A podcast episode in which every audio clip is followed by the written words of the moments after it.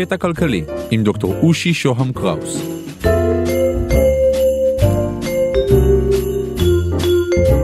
קטע כלכלי, פרק מספר 13, מרקס, חלק ב', תורת המהפכה של מרקס. דוקטור יפתח גולדמן, שלום. שלום וברכה. נגיד כמה מילים על יפתח, שהוא מומחה למרקס, והוא כתב כמה ספרים בפילוסופיה פוליטית, ואת המבוא למהדורה החדשה של הקפיטל של מרקס, והוא מלמד במכללה האקדמית לחינוך על שם דוד ילין בירושלים. נכון. יפתח, מה לשאול אותך?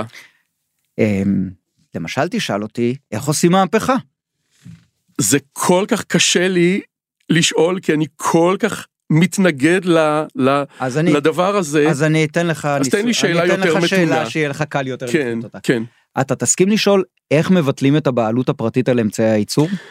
זה גם קשה לי כי אני לא חושב שזה מה שצריך לעשות, אבל אולי תתחיל בלהגיד למה מרקס חושב שצריך לבטל את הבעלות של הקפיטליסטים על אמצעי הייצור. מצוין. אולי זאת התחלה יותר זו טובה. התחלה מצוינת כי היא מחברת אותנו ישירות לסוף הפודקאסט הקודם, מי ששמע זוכר, מי שלא שמע ישמע.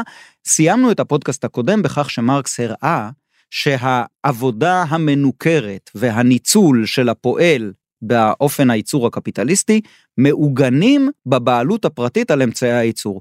בגלל שלקפיטליסט יש בעלות פרטית על אמצעי הייצור, ואמרנו שאמצעי הייצור הלא הם אדמה, דלק, חומרי גלם, מכונות, כל מה שנחוץ על מנת לייצר פרט לעבודה, בגלל שיש לו בעלות פרטית על אמצעי הייצור, הוא יכול גם לקנות את כוח עבודתם של הפועלים, לרתום אותו אל אמצעי הייצור הללו, וכך לנצל אותם ולהפיק מעבודתם רווח שהולך אליו, עם הרווח הזה הוא קונה עוד אמצעי ייצור ורותם אליו עוד פועלים, וכך נוצר כדור שלג אה, מהסוג הזה, ואמרנו שהפועלים נאלצים בלית ברירה את, למכור את כוח עבודתם, מהטעם הפשוט שאין להם אמצעי ייצור משלהם. מכאן זה כבר נורא פשוט, אם תתבטל הבעלות הפרטית על אמצעי הייצור, אם אמצעי הייצור יעברו תהליך של חברות, או אין מילה כזאת. הצברה. השטפה, הצברה. שיהיו שייכים לציבור. יהפכו, כן, יועברו לידי הפועלים עצמם, אלה שעובדים בהם ומייצרים בהם, ממילא, לא נגיד ביטלנו את הניכור, אבל בטוח ביטלנו את הקפיטליזם ועשינו צעד גדול מאוד אה, קדימה. אז לכן נשארת רק השאלה, איך עושים את זה? אז הדבר הראשון שחייבים להבין זה שהבעלות הפרטית על אמצעי הייצור אין בה שום דבר מובן מאליו או טבעי. בני האדם לא חיו תמיד במצב שאמצעי הייצור היו בבעלות פרטית, הם חיו בכל מיני תצורות חברתיות אחרות. אין כאן איזה משהו, אה, אפילו לא נוכל לומר שאמצעי הייצור, המכונות, או חומר הגלם או הדלק שייך לאדם פלוני אלמוני באותו אופן שהגוף שלו שייך לו, הרי ברור שאלה דברים שונים. הבעלות הפרטית על אמצעי הייצור היא סדר פוליטי. היא הסכמה פוליטית מסוימת. של ש... תקופה מסוימת. של תקופה מסוימת. איזה, איזה, מצוין. איזה אופנים אחרים אתה יכול אה, לשלוף עכשיו, אנחנו אם די, יש? ככל שאנחנו הולכים אחורה בזמן, ואנחנו מגיעים לתקופות שמרקס קרא להם קומוניזם קמאי, כן, קומוניזם בראשיתי, היום אנחנו יודעים הרבה יותר טוב ממרקס, שבראשית הציוויליזציה לא היה בעלות פרטית על אמצעי הייצור, הלהקה הקדמונית החזיקה אנשים בבעלות במערה? קולקטיבית. כן. כאילו החבר'ה במערה, כל החבר'ה הרכוש במערה, היה של כולם. הרכוש היחיד הממשי שהיה להם, אמצעי הייצור האחד שהיה להם הוא האדמה, הטריטוריה, והיא הייתה שייכת לכולם בשותף, ומחוץ ללהקה לא הייתה לך שום טריטוריה, רק כחלק מהלהקה הייתה לך טריטוריה. אנחנו כמובן לא, לא מרקס ולא אני ולא אתה לא מציעים לכונן עכשיו מחדש את אה, שבט דוב המערות, או את אה, הקיום שלנו כציידים לקטים. ולכן אנחנו מזכירים את זה רק כדי שנבין שטבע האדם, כן, אם ההוגים הליברליים חשבו שהרכוש הפרטי הוא טבע האדם, אז מסתבר שהומו ספיאנס התקיים עשרות אלפי שנים בלי שהוא המציא את הרעיון, את הקונספט הזה של רכוש פרטי, כלומר, או זה... בעלות פרטית על אמצעי הייצור. בעלות פרטית של אמצעי הייצור זה שלבעל המפעל הוא זה שהוא הבעלים של המכונות ולכן הפועל חייב לעבוד אצלו חייב כי למכור לפועל, לו את כוח עבודתו, אני אקפיד על הניסוח אוקיי, כי המרקסיסטי. כן. לפועל אין מספיק כסף כדי לקנות מכונות לעצמו. אין לו גישה אל אמצעי ייצור. בדיוק, אוקיי, בדיוק. אז בוא נמשיך. זה, זה, זה בדיוק העניין. אה, אנחנו מכירים גם מצבים שאני אה, רואה אותם כפחות נאורים מהקפיטליזם, וכך גם מרקס. מצבים שבו גם אמצעי הייצור וגם הפועל עצמו הם רכוש של האדון מלכתחילה. הלא אנחנו מדברים על עבדות או על צמיתנות. במקרה הזה הפועל לא מוכר את כוח עבודתו למעסיק. הפועל שייך למעסיק כרכוש. הקפיטליזם הוא בהחלט התקדמות ביחס לכמה תצורות חברתיות, פוליטיות, כלכליות אחרות, אוקיי? מרקס אומר, הקומוניזם הוא התקדמות ביחס לקפיטליזם. הוא לא חזרה אחורה אל הציידים לקטים, אלא הוא צעד קדימה מהקפיטליזם. אה, מרקס אה, פעל לפני לנין ולפני המהפכה הקומוניסטית בברית המועצות. כן. אז כשאתה אומר אה, קומוניזם, לפי מרקס, אתה לא מדבר על המשטר הקונקרטי שהתקיים בימי לא. סטלין וכאלה, אלא על משהו אחר שעוד מעט בטח תסביר. כן, כן. ואפשר גם לוותר בהקשר הזה על המילה קומוניזם, צריך לדעת, המושגים והמילים עברו כל מיני שינויים ותהפוכות, ואנגלס חברו של מרקס מסביר באיזשהו מקום שרק מסיבות חצי מקריות הם קראו לעצמם קומוניסטים ולא סוציאליסטים. המפלגה של לנין אגב קראה לעצמה סוציאל דמוקרטית, לא קומוניסטית, אוקיי? זאת אומרת השמות, לעזוב את השמות. השמות מבלבלים יותר מאשר עוזרים, אני, אני, אני בעד לעזוב אותם. אה, אז אם הסכמנו לצורך הדיון, אני יודע שאתה לא מסכים איתי, אבל לצורך הדיון עכשיו הסכמנו שהבעיה שעליה צריך להתגבר היא הבעלות הפרטית על אמצעי הייצור. אולי בסוגריים נדגיש, מרקס אף פעם לא התייחס לבעלות פרטית של אדם על, על חולצתו או על אה, מכנסיו, כן? כמו שבקיבוצים של פעם חשבו שגם התחתונים צריכים להיות משותפים. עניינים כאלה לא עניינו את מרקס, לא התחתונים ולא הפמוטי כסף שירשת מסבתא שלך. אמצעי הייצור שירשת מסבתא שלך, כן? מפעלי זה וזה, אני לא רוצה להזכיר שמות, שירשת מסבתא שלך, או מסבא שלך. זו הבעיה, אוקיי? אז אם הסכמנו שהבעיה היא הבעלות הפרטית על אמצעי הייצור, והסכמנו שהבעלות הזאת אין בה שום דבר טבעי, אלא היא סדר פוליטי, התשובה היא, או המסקנה היא, שהפתרון הוא גם הוא פוליטי. ולכן הדיון שלנו היום הוא התרחק משדה הכלכלה, הדיון שלנו אה, על, על הקפיטליזם, אה, על ביקורת הקפיטליזם של מרקס היה דיון כלכלי. אנחנו עכשיו כבר בעצם בדיון בפוליטיקה. באיך משנים את הסדר הפוליטי, או מולידים בחובו של הסדר הקיים את האלטרנטיבה שתעלה ותצמח, ובסופו של דבר תהפוך את הסדר הקיים על פיו, ותיצור שיתוף, הצברה, החברה של אמצעי הייצור. זה הדבר שמרקס קרא לו מהפכה. מפחיד, לא מפחיד, משמח, אה, כן משמח. בדרך כלל זה הביא להמון דם, אבל לא יכולתי להתאפק. אה, בסדר גמור. אה, יש מהפכות שהביאו להמון דם, ויש מהפכות לא פחות אה, חשובות שלא הביאו לשפיכות אה, דמים. אה, אם אתה רוצה ממני כבר עכשיו איזושהי הצהרה על מה יחסו של מרקס אל האלימות המהפכנית, אני חושש שהתשובה תאכזב גם את חסידיו של מרקס, רבים מחסידיו של מרקס וגם רבים מאלה שעושים איזה דמוניזציה של מרקס ורואים בו איזה אז שטן. מה הייתה העמדה שלו? אה, מרקס אמר, ראו, הסוציאליסטים, הפועלים לא מתחילים את האלימות. מי שמתחיל את האלימות זה מי שלמשל נישל את האיכרים מאדמותיהם באנגליה כדי לייצר את הקפיטל הקרקעי. מי שמתחיל את האלימות זה הקפיטליסט ששולט בפועליו, מי שמתחיל את האלימות זה המשטרה שיורה במפגינים. מכאן לא נובע שיש איזו הצדקה קדושה לאלימות, או שהאלימות היא חיונית, או שאנחנו רק מבעד לאלימות יכולים להשיג הישגים. אלא ההסבר הוא הסבר היסטורי פשוט. כשמרקס מתחיל את דרכו, בחור צעיר, ב-1844-45, 8, הוא חי בעידן מהפכני. המהפכה הצרפתית הגדולה עדיין חולשת על התודעות של כולם, והם רואים לנגד עיניהם מהפכות, מהפכות 1830 בצרפת, מהפכות 1848 שפורצות רגע אחרי פרסום המניפסט. אז אתה אומר לא להתעלם מההקשר, הוא פשוט אומר אנחנו נעשה את הוא שלנו. הוא חושב כמו כולם, אוקיי? Okay. Okay? באותו זמן, פרסום המניפסט הקומוניסטי, אין שום מדינה דמוקרטית עלי אדמות. ודאי שלא באירופה, אבל גם בשום מקום אחר, אוקיי? באנגליה, אותה אנגליה, מעוז הקדמה הדמוקרטית, התחילו לתת זכות בחירה רק לחלק קטן מהפועלים העשירים ביותר 20 שנה אחר כך, ב-1867, אוקיי? בתקופה שעליה אנחנו כותבים, לאף פועל אין זכות בחירה. הבנתי. אז איזה ערוצים יש לו?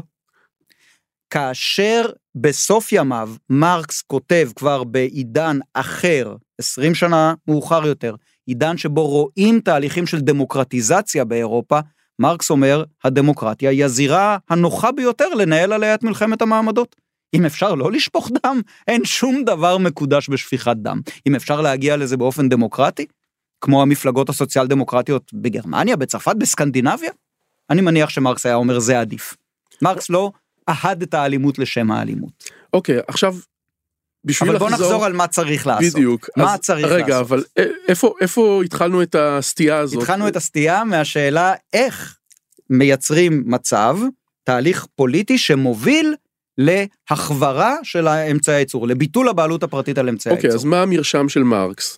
המרשם הוא כזה, קודם כל צריך סוכן מהפכני וצריך לזהות את הסוכן המהפכני. מה פירוש סוכן מהפכני? הגורם, המי שייקח על כתפיו את המהפכה, אג'נט בצרפתית, אוקיי? אייג'נט באנגלית, הגורם שייקח על כתפיו את ביצוע הפעיל הפרויקט. הפוליטי הזה, הנושא, עם ה... הפעיל הפעיל, הפוליטי כן. עם העיניים הנוצצות ו... אז אתה כבר מלביש אותו בדמות מסוימת. והעודף מצפון. לא, לזה מרקס היה מתנגד. בדיוק אוקיי. אתה מלביש, אתה מלביש אותו בדמות מסוימת, וכמעט מבלי לשים לב עברת לד... מלדבר מרקסיסטית ללדבר לניניסטית. שזה מצוין, אולי נעשה פעם פודקאסט על לנין, אבל אנחנו עכשיו במרקס. טוב, אני עוצר. של, כן. מבחינתו של מרקס, הגורם המהפכני זה לא אדם, זה המעמד. זה מעמד הפועלים, אוקיי? ב... באותם אה, ימים, באותה תקופה, דיברו הרבה על מהפכה, כולם דיברו על מהפכה, לא כולם, אבל רבים וטובים.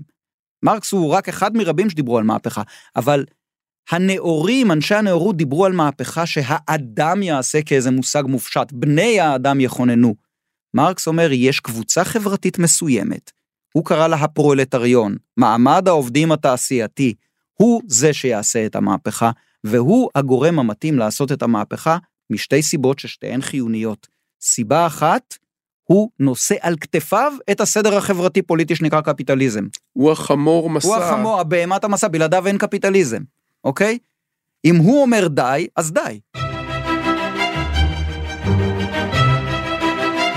סיבה שנייה, הוא זה שבאופן שיטתי מפסיד מהקפיטליזם, אוקיי? יש, או, או נאמר כך, בעצם כולם מפסידים מהקפיטליזם, ומרקס מראה שגם הקפיטליסט מפסיד את ההזדמנות שלו לחיים אנושיים, כאשר הוא בעצם עובד למען הרווח, ולא למען היצירה, הרווחה וכן הלאה. אבל הקפיטליסט מפסיד בקפיטליזם בתנאים נוחים. קל לו שלא לראות שהוא מפסיד. הפועל רואה את ההפסד שלו יום-יום, שעה-שעה. מה עוד חסר בשביל שהוא יעשה את השינוי, שהוא יחולל את השינוי? חסר למשל שהוא יהיה רוב באוכלוסייה, אבל זה מתקרב. בזמנו של מרקס זה כבר מתקרב, בזמננו זה כבר מזמן. אה, עובדה קיימת. חסרה השכלה, מרקס קורא לה תודעה מעמדית, הפועל צריך להבין איך עובד הקפיטליזם. הפועל צריך להבין שהקפיטליזם עובד על חשבונו ונגדו. שני הדברים חשובים. על חשבונו ונגדו, בלעדיו לא ייתכן קפיטליזם והוא כל הזמן מפסיד. זה הדבר הראשון, תודעה מעמדית. מה הדבר השני? התארגנות. לבד אי אפשר לעשות כלום. זה לא המצאה של מרקס, אוקיי? צריך להתארגן, להתארגן כתנועה, להתארגן כמפלגה, להתארגן ככוח שיש בו תקשורת, שיתוף פעולה, דרכי קבלת החלטות, מנהיגות, כדי שאפשר יהיה לנהל את המאבק הפוליטי. לכן מרקס מייחס, מייחס חשיבות גדולה מאוד לאיגודי העובדים, שמתחילים להופיע ממש באותם שנים שבהם מרקס כותב את הדברים האלה. איגודי העובדים הם בעצם התארגנויות של פועלים, ששים לב, לא מבקשות לשנות את השיטה מעיקרה, אלא רק לשפר את מצבם של הפועלים בתוך השיטה הקיימת. אם תרצה, להעלות את מחיר כוח העבודה, שיקנו מהם את כוח עבודתם במחיר קצת יותר אטרקטיבי. בין אם זה בתלוש המשכורת ובין אם זה בקיצור יום העבודה, הרי זה אותו דבר, זה אקוויוולנטי, או בשיפור תנאי העבודה. איך שלא תסתכל על זה, זה בעצם להעלות את מחיר הסחורה שהם מוכרים, כוח עבודה. אז למה מרקס, מרקס כל כך מתלהב מאיגודי העובדים? אם איגודי העובדים הם בעצם חלק מהשיטה, במובן מסוים מפנימים את השיטה הקפיטליסטית, הפועלים אומרים, כן, אנחנו סחורה, כוח עבודתנו הוא סחורה, אבל אנחנו רוצים למכור אותה במחיר יותר אטרקטיבי לנו. למה הוא כל כך מתלהב מזה? משום שזו התחלה. משום שדרך הפעילות והמאבק, הפועלים מתחילים להבין, וכשהם מתחילים להבין, השמיים הם הגבול. בשלב מסוים אומר מרקס, וזה בערך מה שהוא מתאר במניפסט הקומוניסטי, את המעבר מארגון עובדים למפלגה פוליטית. והפועלים יהיו חייבים לעשות המעבר הזה. ארגון עובדים לבדו לא מספיק כדי לשנות את השיטה, צריך לעבור אל המפלגה הפוליטית, שלא תבטל את ארגון העובדים, אלא שתחיה באיזה מין סימביוזה איתו, ובמידה רבה אגב, המפלגות הפוליטיות הסוציאליסטיות הגדולות באירופה הגשימו את המרשם הזה של מרקס, איזה מין סימביוזה בין מפלגת הפועלים לבין ארגוני העובדים. המפלגה הפוליטית תצבור יותר ויותר עוצמה בתוך הסדר הקיים, עד שיגיע הרגע שבו המפלגה הפוליטית שמייצגת את האינטרסים של העובדים השכירים תגיע לשלטון.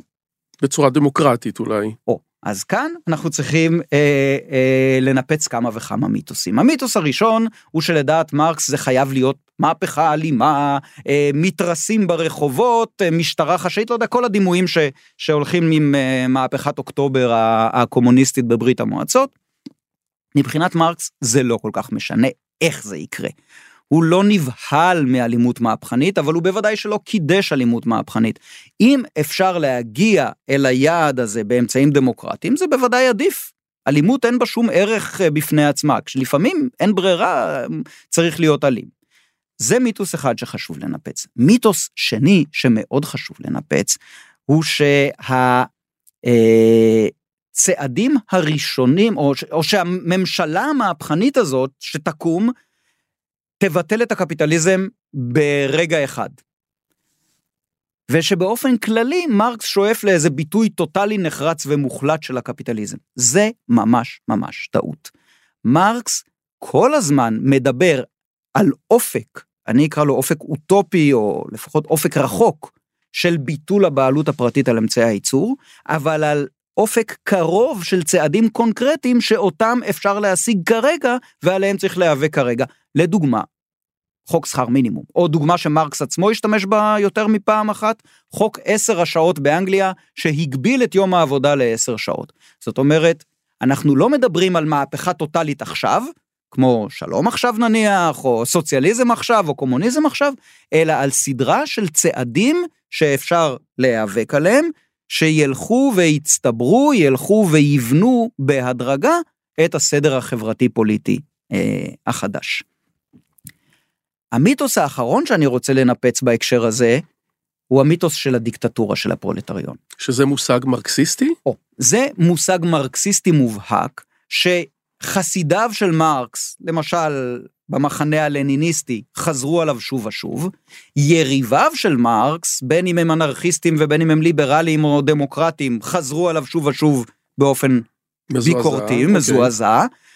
אצל מרקס זה ביטוי שמופיע שלוש, אולי ארבע פעמים, ותמיד בהקשרים שוליים לחלוטין. הוא לא מופיע במניפסט הקומוניסטי, הוא לא מופיע בקפיטל, הוא לא מופיע בכל החיבורים החשובים של מרקס. כאשר אה, מרקס אכן משתמש בביטוי הזה פעם או פעמיים אגב זה ביטוי שהוא שואל אותו מהמהפכה הצרפתית והמהפכה הצרפתית שאלה אותו מרומא הרפובליקנית אז מי שבאמת רוצה להבין את המושג דיקטטור בהקשר הזה שילך ללמוד את ההיסטוריה של רומא העתיקה זה ייתן לו את הקונספט להבין על מה מרקס מדבר.